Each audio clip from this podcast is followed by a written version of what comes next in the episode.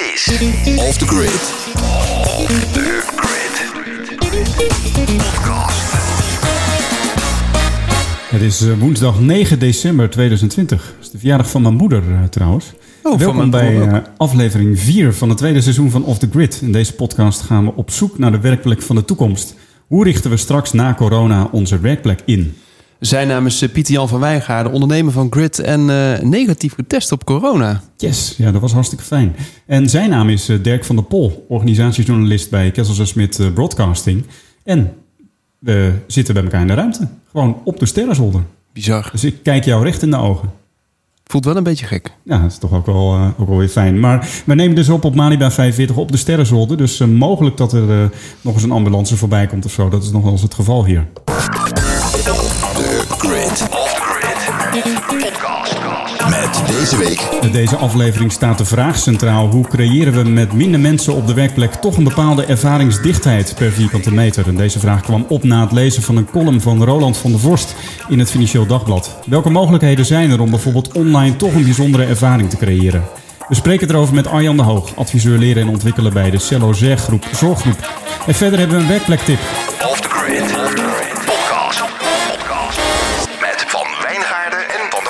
Jan en Dirk.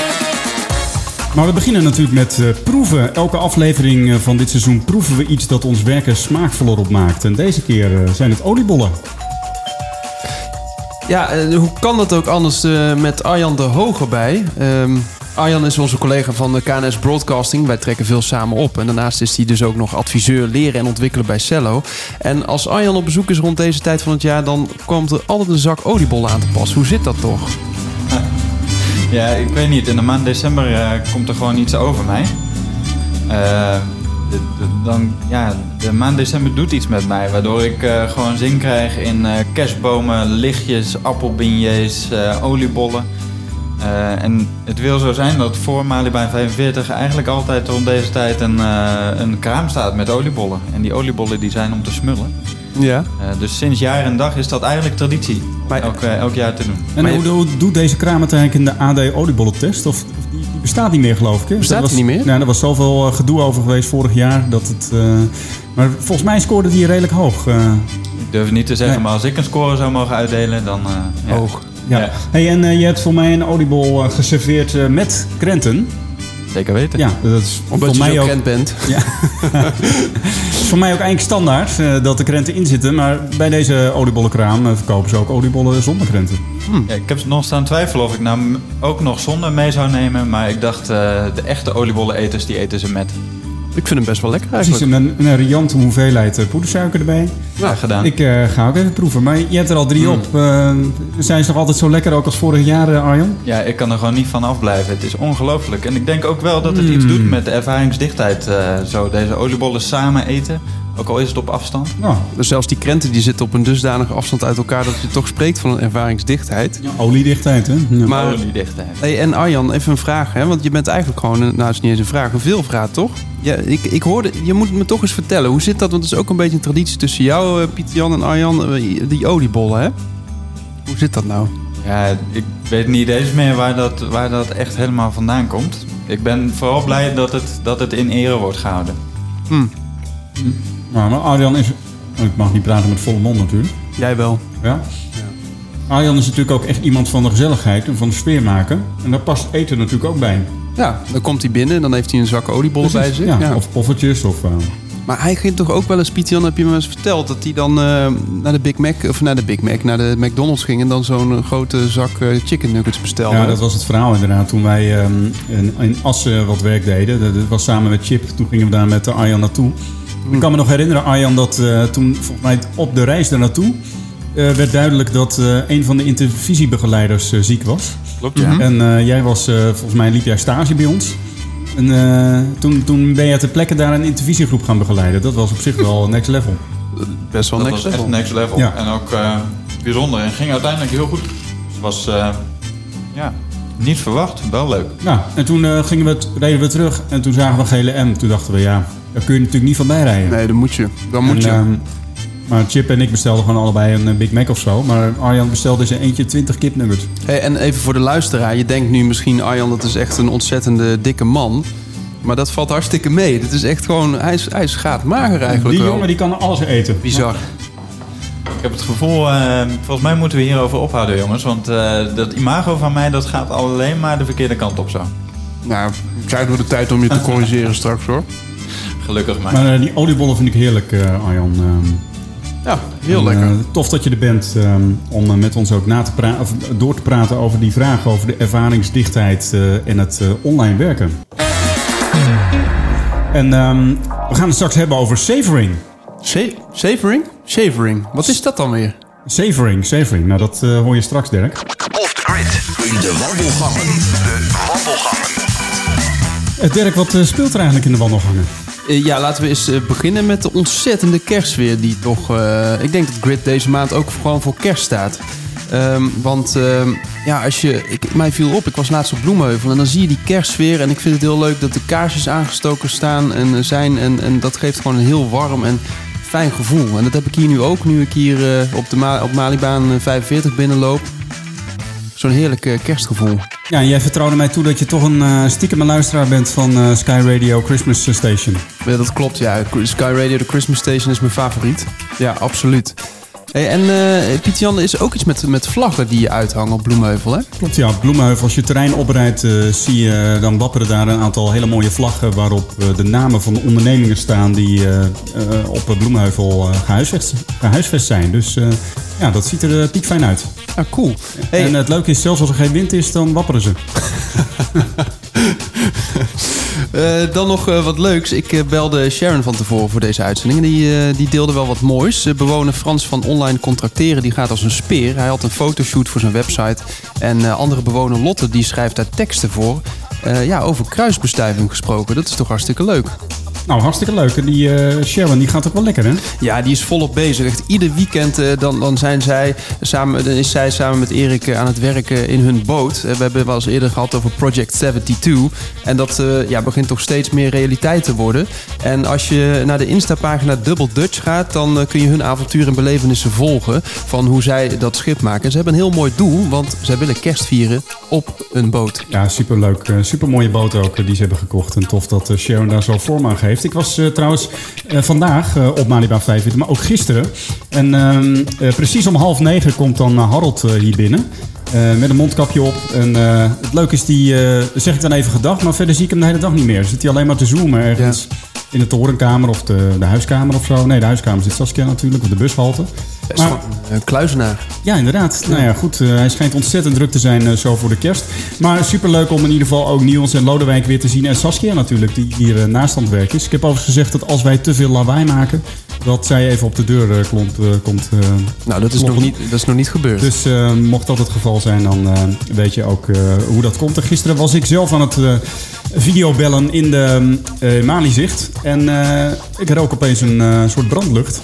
Dacht van, hé, hey, wat is daar aan de hand? Er ging nog net geen brandalarm af, maar eh, het scheen dat een van die lampen, die hoge lampen, staan hier ook in de, in de hoek. Oh ja? Eh, die waren een beetje aan het doorbranden. Dus eh Oh. hier kwam zo'n lucht van eh, verbrand eh, plastic. En bah. Hey, en als je trouwens video belt, hè, ben je dan op zijn Donald Ducks gekleed of valt het mee bij jou? Op zijn Donald Duck gekleed. Ja, dat is dat je dus zeg maar alleen aan de bovenkant gekleed bent en verder een onderbroek aan hebt. Ja, thuis wel, maar op de Mariban niet. Ah, nee, oké, ja. En dan nog even de LinkedIn eh, berichten, want eh, ik zag wat leuks voorbij komen. Bewoner eh, Kirsten Wegener Toezet, eh, die bewoner is bij eh, Git Bloemenheuvel, is genomineerd voor de Next Women 100 Bronze. En deze lijst wordt elk jaar samengesteld. En eh, eh, nou, dat gaat erover eh, dat er in Nederland veel vrouwen zijn die een succesvolle business runnen. En eh, zij runt met haar team De Kleine Keuken. En ze hebben een droom. Zij willen elk kind gezond eh, en eh, dat ieder kind gezond en energiek kan opgroeien.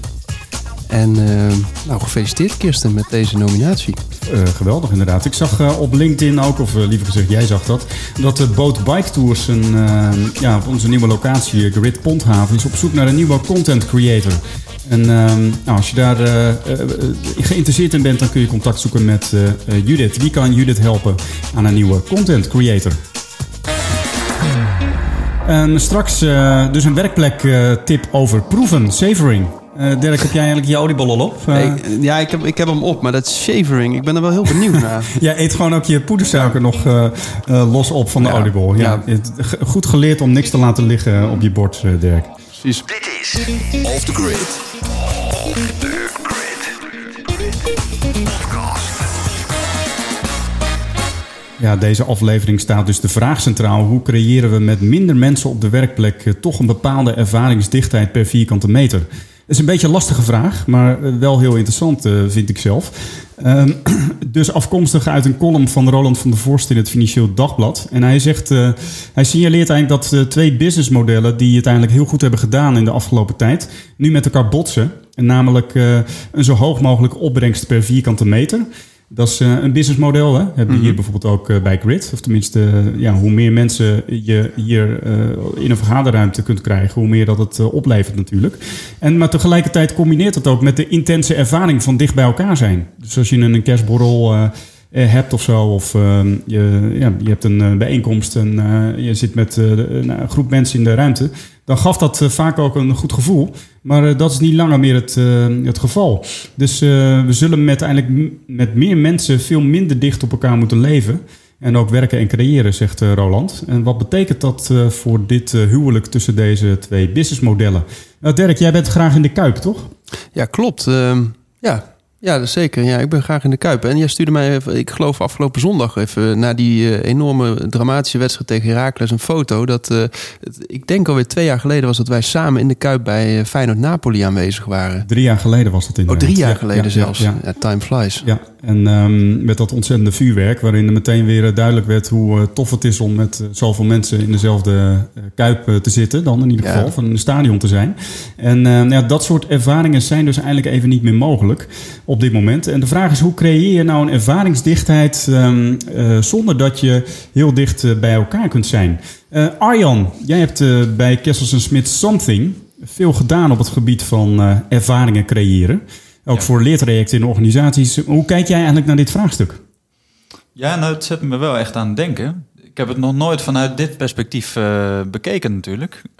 Maar wel mooi om te doen. Ik realiseerde me zeker een aantal eh, projecten helemaal aan het begin van Something... dat we ook wel ehm, eh, helemaal niet zoveel bij elkaar kwamen met de deelnemers van de trajecten. En dat het toch een gevoel was van, eh, ik, ik doe dit misschien nu alleen, dit traject. En tegelijkertijd ben ik onderdeel van een groter, groter geheel. Ehm, dus in die zin ja, liepen wij misschien wel op onze tijd vooruit toen. Ja, kun, kun je eens iets vertellen over de interventies die we destijds deden? Blind dates, eh, eh, met iPods werken. eh, hoe ging dat? Ja, ik herinner me nog de eerste keer dat ik iets voor Something eh, eh, deed... dat ik in een, eh, volgens mij jouw Volkswagen Polo, Pieter Jan... door het land ra- racede Weet je? om, eh, om ja, zeg maar een soort, soort van podcast te uploaden... naar iPods die in het bezit waren van de deelnemers van het traject... En op die eh, eh, ja, audiobestanden stonden dan allerlei instructies. eh, hielpen we mensen door hun traject heen. En op die manier konden zij zelf ook weer allerlei input geven en eigenlijk reflecteren gaandeweg. Ja, Ehm, en dat brachten we dan op een gegeven moment ook weer allemaal bij elkaar. Dat was Ja. prachtig om te doen. het was eigenlijk het idee dat je dus niet eh, naar leertrajecten kijkt als een serie bijeenkomsten. Maar eigenlijk meer als een eh, reis die je zelf aflegt, waar je soms eh, andere mensen ontmoet, maar soms ook niet. En eh, in die zin lijkt het inderdaad wel op het vraagstuk waar we het nu over hebben. Namelijk, hoe kun je toch die ervaringsdichtheid creëren? Denk je dat dat een beetje gelukt is met dat type interventie? Nou, de- volgens mij hebben we daar hele enthousiaste reacties toen ook op gehad. En ehm, eh, zag je ook dat, ja, ondanks de individuele benadering, dat het toch echt wel eh, het gevoel was van: hé, hey, we zitten met, in dit traject met z'n allen en we dragen met z'n allen ergens aan bij. Ehm, dus ja, ik denk dat dat gelukt is. Ja. Hey, jij zei gisteren dat je eh, in het kader van thuiswerken toch wel wat mensen begon te missen. Of eh, dat was vorige week, geloof ik. En vandaar dat je nu de hele week op pad bent. Maar had dat, had dat hier ook mee te maken met die ervaringsdichtheid? Of? Ja, denk het wel. Ik heb er een hele poos geen last van gehad. Wij hebben in, eh, in juli ons dochtertje gekregen. En eh, ja, dat vraagt dan ook veel van je aandacht en tijd. En misschien dat daardoor ook het ja, de, de behoefte aan ervaringsdichtheid eh, minder is. Vorige week had ik voor het eerst dat ik dacht van... hé, hey, ik, mis, ik mis mensen om me heen. Ik mis gewoon mensen recht in hun ogen aan kunnen kijken... en ook op die manier even gesprekken met ze voeren... in plaats van kijken naar die vierkantjes. Eh, dus denk zeker, ja. Ik moet ook wel zeggen dat het leuk is om jou in de, in de ogen te kunnen kijken, Arjan, na een hele lange tijd weer. Dat is helemaal insgelijks. ik. Nou, gelukkig. Hey, maar en als je nou eh, denkt, verder nadenkt over die vraag, hè, krijg je dan bepaalde ideeën over hoe, hoe we nou toch in deze tijd die ervaringsdichtheid kunnen creëren? Ja, terwijl dat is, is best lastig, denk ik ook wel. Ja, ja dus ik, ik zat ook wel te denken van, zeker als je kijkt naar Grid bijvoorbeeld, eh, je kunt niet met heel veel mensen op de locatie zijn, maar kun je wel het gevoel creëren dat je er met veel mensen misschien wel geweest bent. Of, eh, ehm, eh, dus kun je ook zichtbaar maken dat er gewoon ook wel toch wel veel mensen over de vloer komen. Dat, dat, dat hield mij wel bezig. Van hoe, hoe zou je dat kunnen doen? Want hoe kom jij hier nu binnen? Je bent al een tijd niet meer geweest op de Malibaan. Hè? Een stuk minder druk, denk ik, dan de laatste tijd. De laatste keer dat je hier was. En, eh, nou ja, wij zijn er. Dat maakt een hoop goed. Maar, Nou, Ja, ja nou, dus, Ja, krijg jij iets mee van wie hier geweest is? Of, eh, of eh, hoe, hoe, zou, hoe zouden we dat kunnen doen? Nou, ik moet zeggen, dus wat, wat ik heel prettig vond, is dat de, de, het vertrouwde, er zit iemand aan de bar, eh, eh, dat, dat was er. En dat maakt ook meteen dat ik iets van herken, herkenning heb ten opzichte van hoe, hoe ik Malibu 45 ken. Maar ik, ik heb verder weinig eh, gevoel bij wie hier, hier Ja. was of eh, wat hier gebeurd is. Ehm, dus in die zin vond ik het ja, ook wel een beetje leeg, een beetje Ja. kaal. Ja, je zag dat er nieuw tapijt was, dat dan weer wel. Ja, Ja. ja. er gebeurt wel iets. Ja, precies. Maar eh, eigenlijk is het wel interessant wat je zegt van die factor tijd zou je iets mee kunnen doen. Dus het feit dat je misschien niet allemaal op hetzelfde moment op dezelfde plaats bent. Maar je zou wel iets kunnen doen met het feit dat er op andere momenten mensen waren. Waardoor je toch dat een, ja, het, het eh, gevoel van andere mensen eigenlijk eh, eh, ook terugbrengt. Ehm, Ja. ik moet denken, wel, nu, als je nu voetbalwedstrijden kijkt, in heel veel stadions liggen spandoeken van supporters. Ja. Dat is toch een ander idee, vind ik, dan lege stoeltjes. Omdat ja, ergens geeft het ook het idee van... hé, hey, er was deze week iemand die heeft dat spandoekje over die stoeltjes gehangen. Waardoor je toch inderdaad een soort... eh, ja, wordt zo'n stoeltje niet meer een stoeltje... maar wordt het opeens een plek waar iemand ook is geweest. maar we moeten toch wel eerlijk zijn, Pieter Jan. Als we kijken naar Feyenoord, dan eh, die missen gewoon echt dat publiek in de Kuip. Dat zie je gewoon. Die twaalfde man, hè, dat legioen. Ja, Dat is hoe vaak ze wel niet gelijk spelen Ja. tegen kleine clubjes. Ja. Dat is toch wel, dus dat doet toch ook iets met, met de spelers als, als, als het dan gaat over ervaringsdichtheid. Waar ik wel even aan zit te denken, want eh, Arjen, jij vertelde net over KNS eh, Something en dat, jullie, dat jij toen al die iPods en zo ging, ging uploaden. Eh, eigenlijk geef je dan iemand eh, ook een soort eh, individuele ervaring die je samen maakt. Waardoor dat je je toch individueel verbonden voelt met een grotere groep.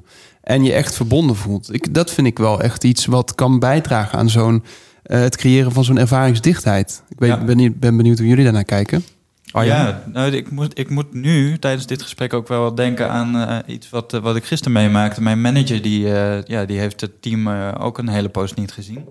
Die heeft eigenlijk iedereen in deze week een half uurtje uitgenodigd op kantoor. Eh, en dat was prachtig, want zij nodigde ons eigenlijk uit om eh, naar een andere ruimte te gaan. En daar lag een heel groot canvas. En ze eh, vroeg ons eigenlijk om ja, een gedeelte van dat canvas te, te beschilderen en of iets, iets creatiefs mee te doen. Ehm, eh, waarin je liet zien van, hé, hey, zo kijk ik terug op afgelopen jaar.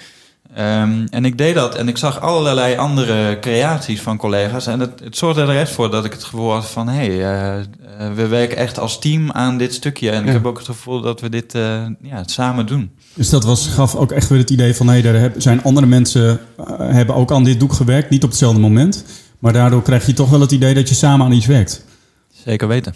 Ja, oh, dat is wel een mooie. Ja. Dus als je op zoek kunt naar iets wat je samen maakt eh, en dat op verschillende manieren samenbrengt, dan heb je echt het gevoel dat je het met elkaar doet. Ja. Ook al ben je dan niet altijd fysiek bij elkaar in een ruimte. Het doet mij een beetje denken aan het boek eh, The World is Flat van... eh, de, ehm, eh, ik ben even zijn naam kwijt. Maar, Jij leest ook zoveel boeken, Ja, Pieter dat is Jan. zo is Ja. Amerikaanse journalist, heel bekend.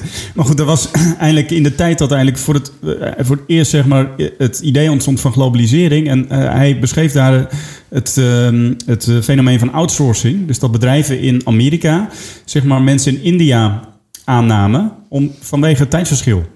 Dus ze zeiden van, goh, als we samen aan een stuk werken, aan een document, dan eh, beginnen we in New York. En dan als het bij ons eh, avond is en wij gaan naar huis, dan sturen we door naar India. En daar gaan ze door. Dus dat is eigenlijk hetzelfde idee, namelijk doorwerken op, werken Ja. aan, i- aan iets, maar in een andere tijdzone. Maar toch het idee hebben van, we doen dit samen. Oh, wat leuk. Dat is eigenlijk een beetje zoals wij aan ons draaiboek werken voor deze afleveringen. Ja, alleen doen we dat dan wel op hetzelfde moment. hetzelfde wel in hetzelfde document. ja. jij had er vannacht aan kunnen werken en ik vanochtend. Maar dat doen we dan niet. Hè? Nee. Dat is toch leuker om dat samen te doen. Ja.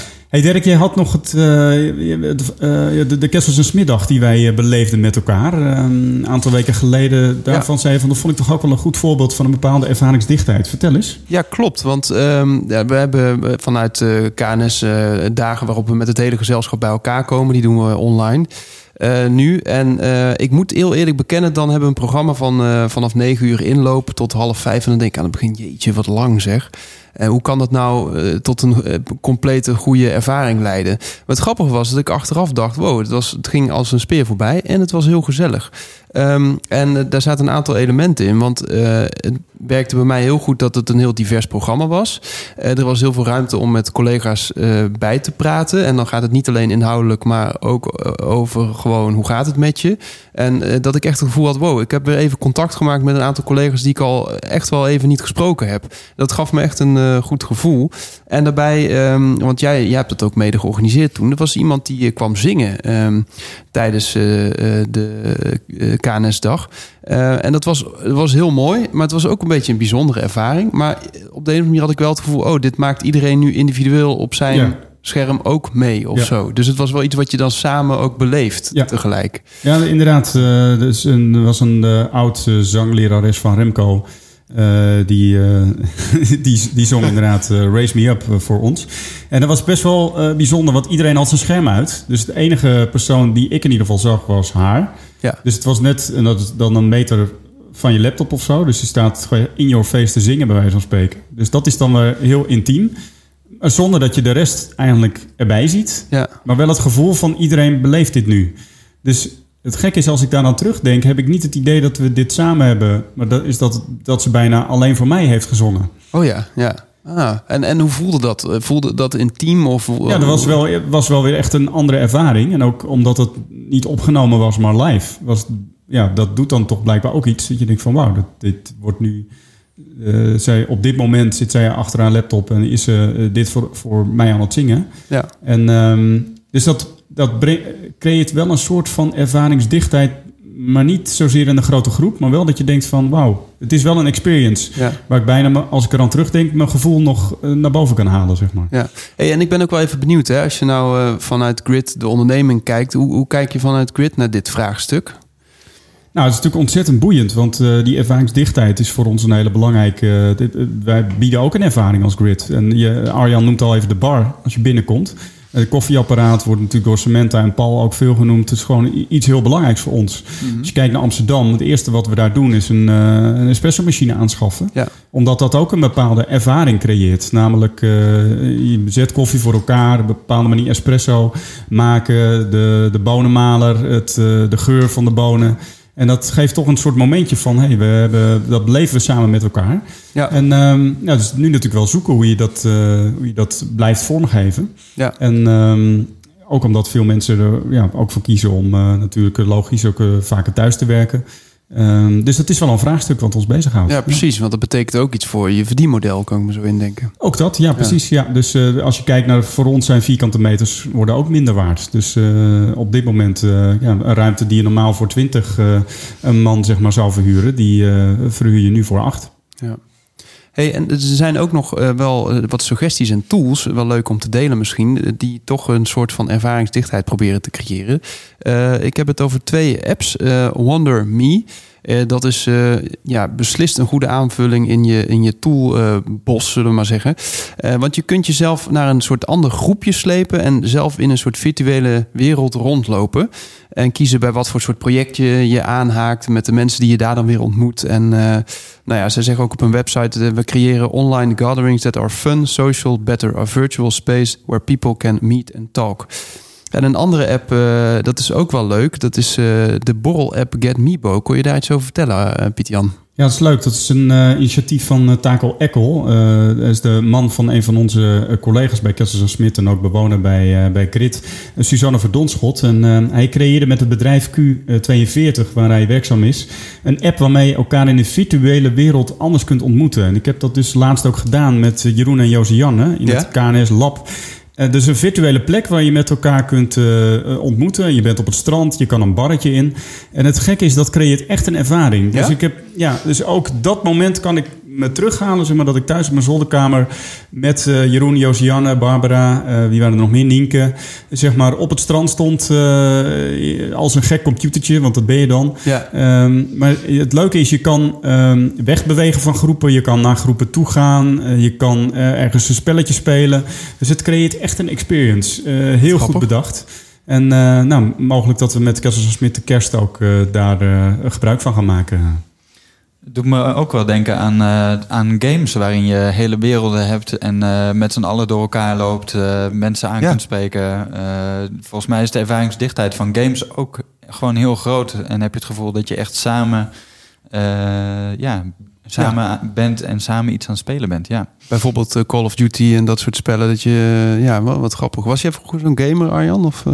Ja, ik speelde vroeger RuneScape. Ik weet niet of je dat kent, maar dat is echt. eh, dan leef je in een soort eh, middeleeuwse wereld waarin je steeds beter kunt worden. Level up, level up. En dan. eh, Doe je ook aan larpen? Of, eh? nee, dat zegt me dan weer helemaal niks. De werkplektip, Dirk. Savoring. Savoring? Savoring, Ja, nu ben ik wel echt benieuwd. Ja, ik eh, las een artikel in het eh, Algemeen Dagblad. eh, een column van psycholoog Thijs Launsbach. Hij is stressexpert en auteur van het boek Fucking Druk. en hij geeft een, een tip voor meer geluk en minder stress op je werk. En dat is de savoring. En het gaat over dat je bewust proeft eigenlijk. Dus dat je, eh, ook als je thuis aan het werk bent, eh, achter je laptop, eh, dat je de momenten waarop je bijvoorbeeld een kop koffie haalt of nou, een broodje of een salade of, Oliebol. of een oliebol inderdaad, dat je daar heel bewust eigenlijk dat gaat proeven. Ehm, eh, savoring is, ja, natuurlijk een, een, een Engels woord waar niet echt een goede Nederlandse vertaling voor is. Genieten misschien. Misschien lijkt het ook al een beetje op wat wij ervaren met, dat, ehm, met, dat, met die zangperformance eh, op de Kerstdagsmiddag. Waar je echt heel bewust als het ware eh, van aan het genieten bent. En serieus, daar kom je dus nu, nu pas mee... terwijl we net in het begin een oliebol proeven. Dan had ik gewoon een hele andere oliebol geproefd... als ik dit eerder had Volgens geweten. mij zit er nog één in het zakje. Oh, gelukkig. nou, dan ga ik dat eens proberen.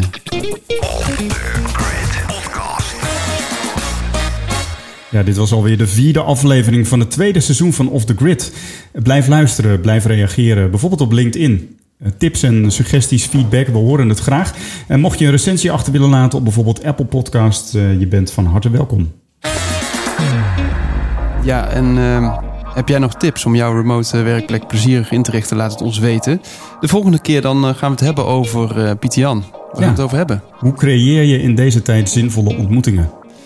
En eh, wil jij nog meer afleveringen luisteren van Off the Grid? Je vindt ons via www.grid.nl. Dat schrijf je G-R-Y-T-T-E. Of via je favoriete podcast speler.